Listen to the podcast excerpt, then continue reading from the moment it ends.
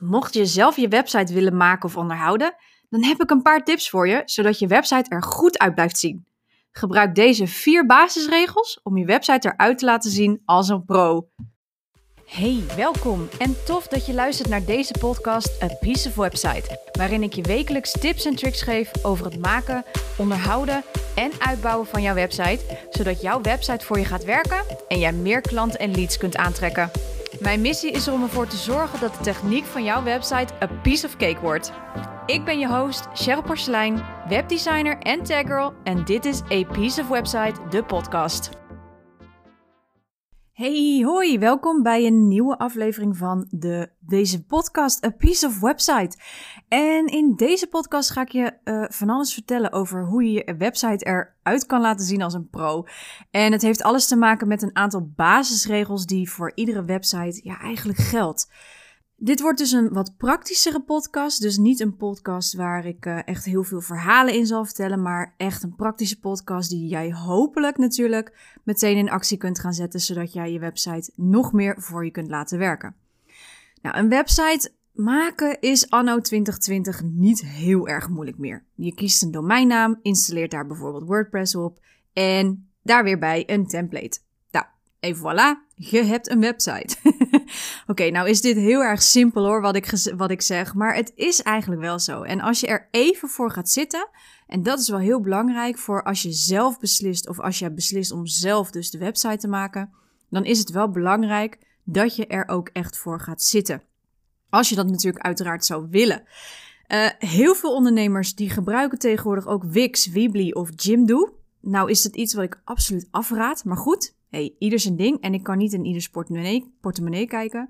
Alleen voor het budget hoef je het namelijk niet te laten, zo'n Wix of Jimdo. Uh, of in ieder geval hè, dat je kiest voor eigenlijk beter voor een WordPress. Um, want een domeinnaam kost tegenwoordig, nou wat is het, 3, 4, 5, misschien maximaal 6 of 7 euro per maand. Uh, en soms betaal je maar bij sommige domeinnamen uh, iets van een 20 euro per jaar of 35 euro per jaar. Weet je, dat zijn bedragen waar je uh, nou, het niet voor hoeft te laten in ieder geval. En WordPress zelf, als je dat erop installeert, en de meeste hostings hebben dit al automatisch in het pakket zitten, is in de basis verder helemaal gratis. Kun je ook uitbreiden met gratis plugins.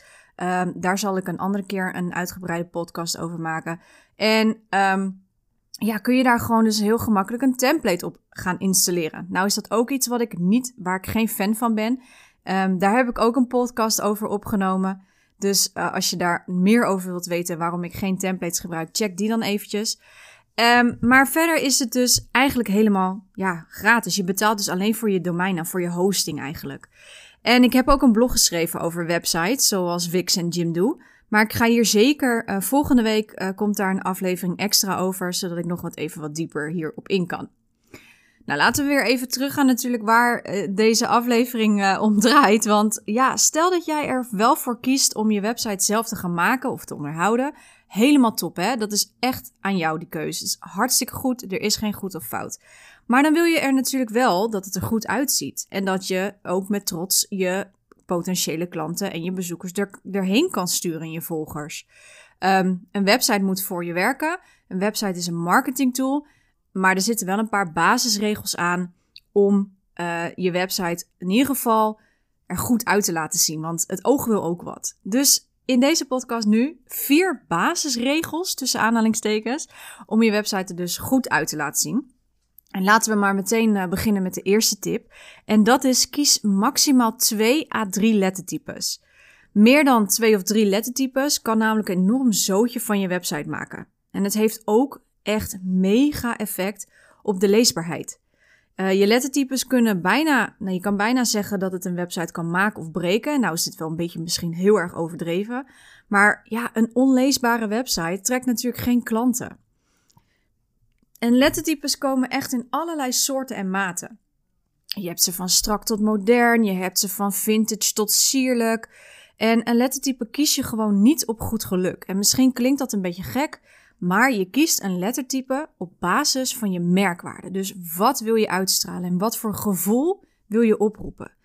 Een lettertype, of een font, zoals we dat heel mooi in webdesignland en designland noemen, is echt een onderdeel van je gehele huisstijl. Dus dat moet allemaal matchen. Dat betekent ook dat er een, een bepaalde merk en kernwaarde zijn bepaald om een huisstijl op te zetten. En een lettertype is daar dus eigenlijk maar een klein onderdeel van, maar wel heel belangrijk. En op een website is het meest belangrijk en geldt ook altijd de regel dat een lettertype, dat tekst gewoon leesbaar moet zijn. En dat geldt eigenlijk overal natuurlijk voor. Hoe moeilijker leesbaar het is, hoe meer mensen zullen afhaken. Um, maar voor, ja, voor je website geldt gewoon altijd in de basisregel: het moet leesbaar zijn. Want ook voor je logo hoor, trouwens, moet, je lees, moet het leesbaar zijn. Maar een logo heeft vaak wel iets meer vrijheid, omdat het wat meer conceptueler is. Um, dus je kan daar wel wat meer los in gaan. Maar in principe, ja, het is handig als je een bedrijfsnaam hebt dat misschien niet zo makkelijk is uit te spreken, dat het wel leesbaar is, zodat mensen het in ieder geval kunnen spellen. Dat is altijd wel makkelijk. Um, maar je moet je voorstellen met een website tegenwoordig hè, op die kleine schermpjes die we zitten op de telefoons met dat blauwe licht, dat we moeten gaan turen om iets te lezen. Nou, misschien voel je hem al aankomen. Uh, als je een onleesbaar lettertype hebt met heel veel tierenlantijntjes en weet ik het allemaal, ja, dan kun je daar best wel hoofdpijn van krijgen en heel veel mensen haken daar natuurlijk op af. Nou, daarom raad ik eigenlijk voor grote lappen tekst, dus dat is de tekst zeg maar wat over jou gaat of op je, op je blog of de grote teksten, um, om daar een normaal lettertype voor te kiezen. En wat is nou een normaal lettertype? Dat is bijvoorbeeld een lettertype zonder schreef. En een schreef zijn van die kleine uiteindjes. Het is al heel oud, het schreeflettertype. En dat zijn van die kleine uiteindes aan een letter. Um, maar ook bijvoorbeeld, kies geen letters met van die sierlijke bochtjes of van die hele lange swirls. Nee, een gewoon lettertype zoals je bijvoorbeeld in Word gebruikt. Um, of zoals ik gebruik op mijn website. Mijn website heeft de lettertype genaamd Lato, L-A-T-O. Maar je kunt ook denken aan Open Sans, S-A-N-S. Dat zijn twee woorden, Open Sans. Of Montserrat, M-O-T-S-E-R-R-A-T. En dat zijn ja, leesbare en ook vooral websafe fonts. En een websafe font, dat wordt goedgekeurd door Google. Dus als je gaat googlen op Google Fonts of websafe fonts, um, dan zul je ze ook vanzelf terugvinden. En het mooie daarvan is, je krijgt ten eerste natuurlijk een mooi overzicht, maar dat zijn ook meteen de lettertypes die Google ondersteunt. En die dus websafe zijn, dus veilig. En dat betekent dat elke computer het lettertype dus ondersteunt. Dat betekent ook dat de lettertypes dus heel goed leesbaar zijn. Want stel, om wat voor reden dan ook, hè, jij hebt een doelgroep uh, die dyslectisch is, of sowieso zijn er best wel veel mensen volgens mij dyslectisch, is niks mis mee. Maar als je daar dus schreefletters voor gaat gebruiken, dan gaan de letters aan elkaar plakken en dan kunnen veel mensen het dus niet lezen. En als jij je specifiek richt op de doelgroep met dyslexie, ja, dan ben je ze sowieso al bij de eerste pagina kwijt. Nou bestaat er een speciaal dyslexie-lettertype. Um, die moet je waarschijnlijk kopen. Daar zit natuurlijk een recht op. Um, maar let daar in ieder geval op als je een lettertype kiest, dat je het even test bij je doelgroep om te kijken of zij het inderdaad goed kunnen lezen. Nou, voor je titels en je koppen, daar mag je wel wat meer op losgaan. Ga niet meteen dan van die gekke swirls en die van die aan elkaar geplakte lettertypes kiezen. Ook hier geldt, zorg dat het leesbaar blijft. Maar het voordeel van je koppen, hè, de titeltjes die je ertussen hebt, vaak op titels boven je tekst of tussen je tekst, om je tekst te onderbreken, um, is natuurlijk dat ze een stuk groter zijn dan de lappentekst die je gebruikt voor je blog bijvoorbeeld. Je kunt dus een iets speelser lettertype kiezen als je dat zou willen, mits dit natuurlijk bij je huisstijl past, hè, bij je branding. Um, maar omdat het wat groter is, kun je dus iets makkelijker een gekker lettertype kiezen dan dat je bij gewone lappentekst zou doen. Nou, en een tip daarbij is ook nog eens: gebruik voor je koppen één lettertype en voor je tekst één lettertype. Dus dan heb je er twee. Je kan tussen je koppen nog uh, eventueel een derde kiezen, maar hou het zo rustig mogelijk. Hoe meer rust, hoe makkelijker leesbaar. En uh, als je het denkt van ja, maar dan wordt het saai, dan kun je eigenlijk nog beste spelen met groottes en diktes. Zodat het een beetje ja, wat dynamischer wordt. Uh, of schuin gedrukt, of hè, van links naar rechts, of van in het midden. Dus ga daarmee spelen in plaats van met 6000 lettertypes tegelijk. Want het gaat er nog steeds om dat de boodschap die jij in je tekst hebt, dat die over gaat komen. En dat mensen die ook echt kunnen lezen.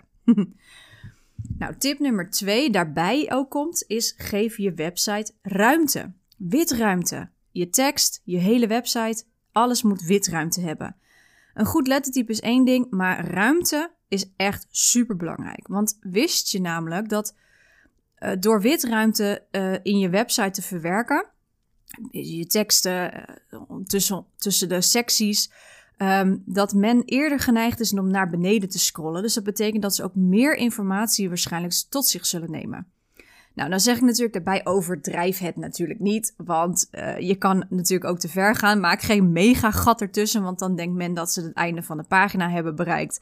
En uh, dan zullen ze waarschijnlijk of weer naar boven scrollen of naar een andere website gaan. Uh, dat willen we ook niet. Dus zorg ervoor dat, ja, dat je het, dat het gevoel wat erbij hoort, uh, dat dat klopt ook voor jezelf. En anders laat het ook weer even testen. Maar je kan bijvoorbeeld met witruimte hè, zorg ervoor dat uh, afbeeldingen niet tegen de tekst staan of dat ze er te dichtbij zijn. Geef het ademruimte vooral. En zorg er ook voor dat als je naar beneden toe werkt, dus de secties, dus je hebt bijvoorbeeld een stukje aanbod en je hebt daaronder heb je een stukje over mij, dat die onderdelen ook wel wat ruimte onderling hebben. Dus dat het niet te dicht op elkaar staat. Zeker niet als je achtergronden gaat gebruiken. Want als je te dicht op elkaar zet, dan scrolt dat gewoon niet lekker. Um, en dan wordt het één grote ja, blob, om het zo maar te noemen. En dan voelt het heel erg verdrukt. Dus dat is echt super zonde. Nou, een andere uh, witruimte is tussen je tekst. We schrijven ook niet te veel aan elkaar. Gebruik dus wat meer paragrafen, want een extra enter is echt soms wel heel erg fijn. En wat mij altijd is geleerd is dat je je zin mag maximaal uit 12 tot 15 woorden bestaan ongeveer. En een paragraaf is tussen de 4 en 6 regels lang. Nou, ga er maar aan staan. Dat lukt natuurlijk niet altijd. Uh, dus pin je daar ook niet te veel op vast. Maar kijk in ieder geval of je het in ieder geval zo kort en bondig mogelijk kunt krijgen. Dus ja, we noemen dat heel mooi uh, ook wel de regelruimte of regelhoogte we hebben de paragrafen en we hebben de zinnen zelf. En tussen die zinnetjes kun je ook nog een regelhoogte bepalen. Nou, dat is de afstand tussen de zinnen. Dus niet tussen de paragrafen, maar echt tussen de zinnen. En als jij Divi gebruikt, stel dat jij iemand bent die WordPress hebt geïnstalleerd en je gebruikt Divi, nou, dan kun je dat heel erg gemakkelijk instellen. En hierdoor, door die regelruimte te vergroten, wordt je tekst ook weer wat luchtiger en zijn de zinnen niet zo op elkaar geplakt. En ook hier geldt natuurlijk weer: heb jij een doelgroep wat dyslexie heeft, specifiek, um, dan is die witruimte ook wel heel erg fijn voor deze mensen om te lezen. Dus ja, gebruik de witruimte op verschillende manieren. Meestal gaat het op gevoel, wat ik al zei. En als je denkt van hm, het is te dicht op elkaar of hm, het is juist weer te ver weg, dan is dat ook zo. Ga dan net zo lang door totdat je het gevoel hebt dat het klopt. En laat het anders even gewoon testen testen. Daardoor krijg je altijd de beste feedback en kun je het altijd weer aanpassen. Tip nummer drie. Zorg voor contrast. En ik denk dat deze eigenlijk wel een van de belangrijkste punten is die er is. Um, en met contrast bedoel ik, um, gebruik bijvoorbeeld geen gele of blauwe letters op een zwarte achtergrond. Dat zijn die websites die we vroeger hadden van uh, uit 1990, toen websites net begonnen, net, bestonden. Toen hadden we het idee om geel of blauw op een zwarte achtergrond ja, neer te zetten. Nou, je moet het maar eens gewoon uittesten voor jezelf. Het is echt niet fijn om te lezen. En zeker niet met die blauwe lichtschermen die we tegenwoordig hebben.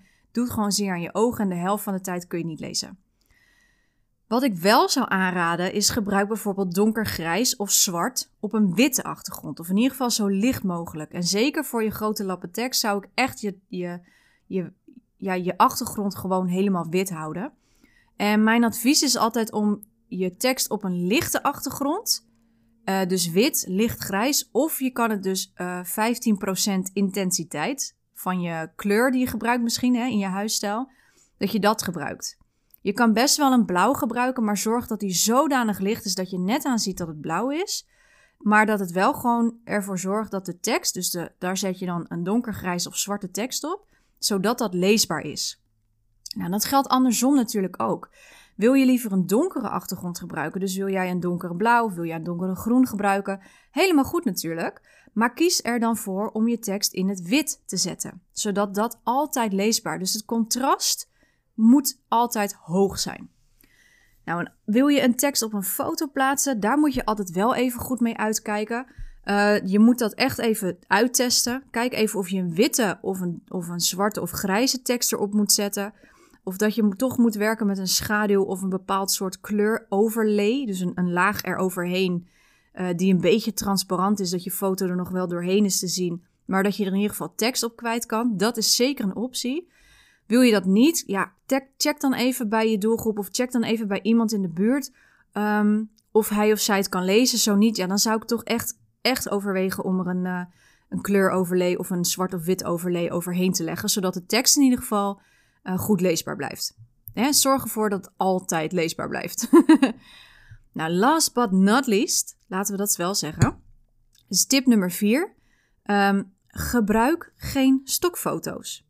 Stokfoto's zijn echt een no-go in designland. Overal in designland, in grafisch design, webdesign, overal waar, waar fotomateriaal aan te pas komt, zijn stokfoto's echt een no-go. Uh, stokfoto's zijn niet anders dan dat het standaard foto's zijn die je kunt kopen of gratis kunt gebruiken, waar geen recht op zitten, waar iedereen toegang tot heeft. Nou, dat zegt het eigenlijk al. En je wilt namelijk dat je website, dat je ondanks dat het online is, dat het een, ja, persoonlijke connectie kan maken. En stokfoto's nemen in alle maten die persoonlijkheid weg. En je ook je authenticiteit. Let daarop. Want we doen namelijk zaken met echte mensen. En stokfoto's zijn vaak geposeerd, zijn vaak te clean of passen niet in je huisstijl en zijn niet hetgeen bij wat je wil uitstralen. En persoonlijke foto's, die zorgen juist voor die authenticiteit. We zien namelijk meteen wie er achter het bedrijf zit en we kunnen daar al bij voelen of we de persoon, ja, of we dat waarderen, ja of nee, of we het leuk vinden. We do judge a book by its cover. Dat doen we echt. Het klinkt te lullig, maar stiekem doen we dat wel. Maar, dus, maar het geeft wel een bepaalde sfeer. En ook een bepaald gevoel. En dat is wat je met je website, maar ook met je branding natuurlijk heel erg graag wilt doen. Dus let daarop. En wat een, ook een gevaar is van stokfoto's, dat veel mensen dezelfde foto kunnen hebben. Uh, mooi voorbeeld. Uh, ik gebruik ze af en toe voor mijn blog. Omdat ik gewoon, ik vind het gemakkelijk. En soms denk ik, ja, dan moet ik weer helemaal zelf aan de bak. En daar heb ik echt even de tijd niet voor. Dus ja, voor mijn blog kies ik echt wel stokfoto's. Um, maar ik moet altijd heel erg lachen. Als ik dus ergens anders op een andere blog of ergens op een website, wat helemaal niet te maken heeft met die hele foto niet, dat ze ineens diezelfde foto hebben, zoals als ik bij een blog heb. Dus dat is wel heel erg gek. Dus de originaliteit van, met, met dit soort foto's is natuurlijk heel ver te zoeken. En je zult merken dat als je foto's van jezelf of eigen gemaakte foto's, hè, want dat mag ook, op je website gaat zetten, dat je er een heel ander soort sfeer door krijgt. Maar ook dat je er echt een persoonlijke touch aan geeft. En dat is wat we willen. Ook al zijn we online, we willen die persoonlijke connectie voelen op de een of andere manier. Nou, dat waren eigenlijk de vier basisregels. Ik zal ze nog eventjes op een rijtje zetten. De eerste tip was dus: gebruik maximaal twee lettertypes. Drie in als het echt niet anders kan, maar maximaal twee. Twee, tip 2. Zorg voor voldoende uh, witruimte. Let it breathe. Maar echt, geef het ademruimte. Tip nummer drie was: zorg voor een goed contrast. Dus geen geel op zwart, maar echt een goed contrast. En tip nummer vier: zorg dat je persoonlijke foto's gebruikt. Dan kunnen foto's van jezelf zijn, maar dat kunnen ook foto's zijn die je zelf hebt gemaakt. Nou, ik hoop dat je hier natuurlijk mee lekker aan de slag kan. Ik wens je heel veel succes met je website en tot volgende week. Doeg! Hey, super tof dat je luisterde naar deze podcast. Dankjewel. Voor je gaat, ik wil je nog even een paar dingen vragen. Wil je geen podcast missen? Abonneer je dan even. Klik in je podcast-app op de button subscribe of abonneren. Piece of cake, toch? Ook zou ik het echt te gek vinden als je een review via je podcast-app achterlaat. Bijvoorbeeld via iTunes. En naar bonuspunten als je mijn podcast doorstuurt naar iemand waarvan jij denkt dat hij of zij er ook iets aan heeft. En als laatste, ik vind het altijd heel erg leuk om berichtjes te ontvangen van luisteraars. Om te horen wat ze van de podcast vinden. Of misschien heb je vragen of suggesties. Misschien heb je wel een inzicht gekregen van een aflevering. Of ben je zelfs in actie gekomen. Stuur mij dan even een DM via mijn Instagram, @cherylporselein. Of maak een screenshot van een van de afleveringen in je Insta-stories en tag mij. Hoe meer ondernemers de podcast horen, hoe meer ondernemers ik kan helpen. Nogmaals, dankjewel voor het luisteren en tot de volgende aflevering.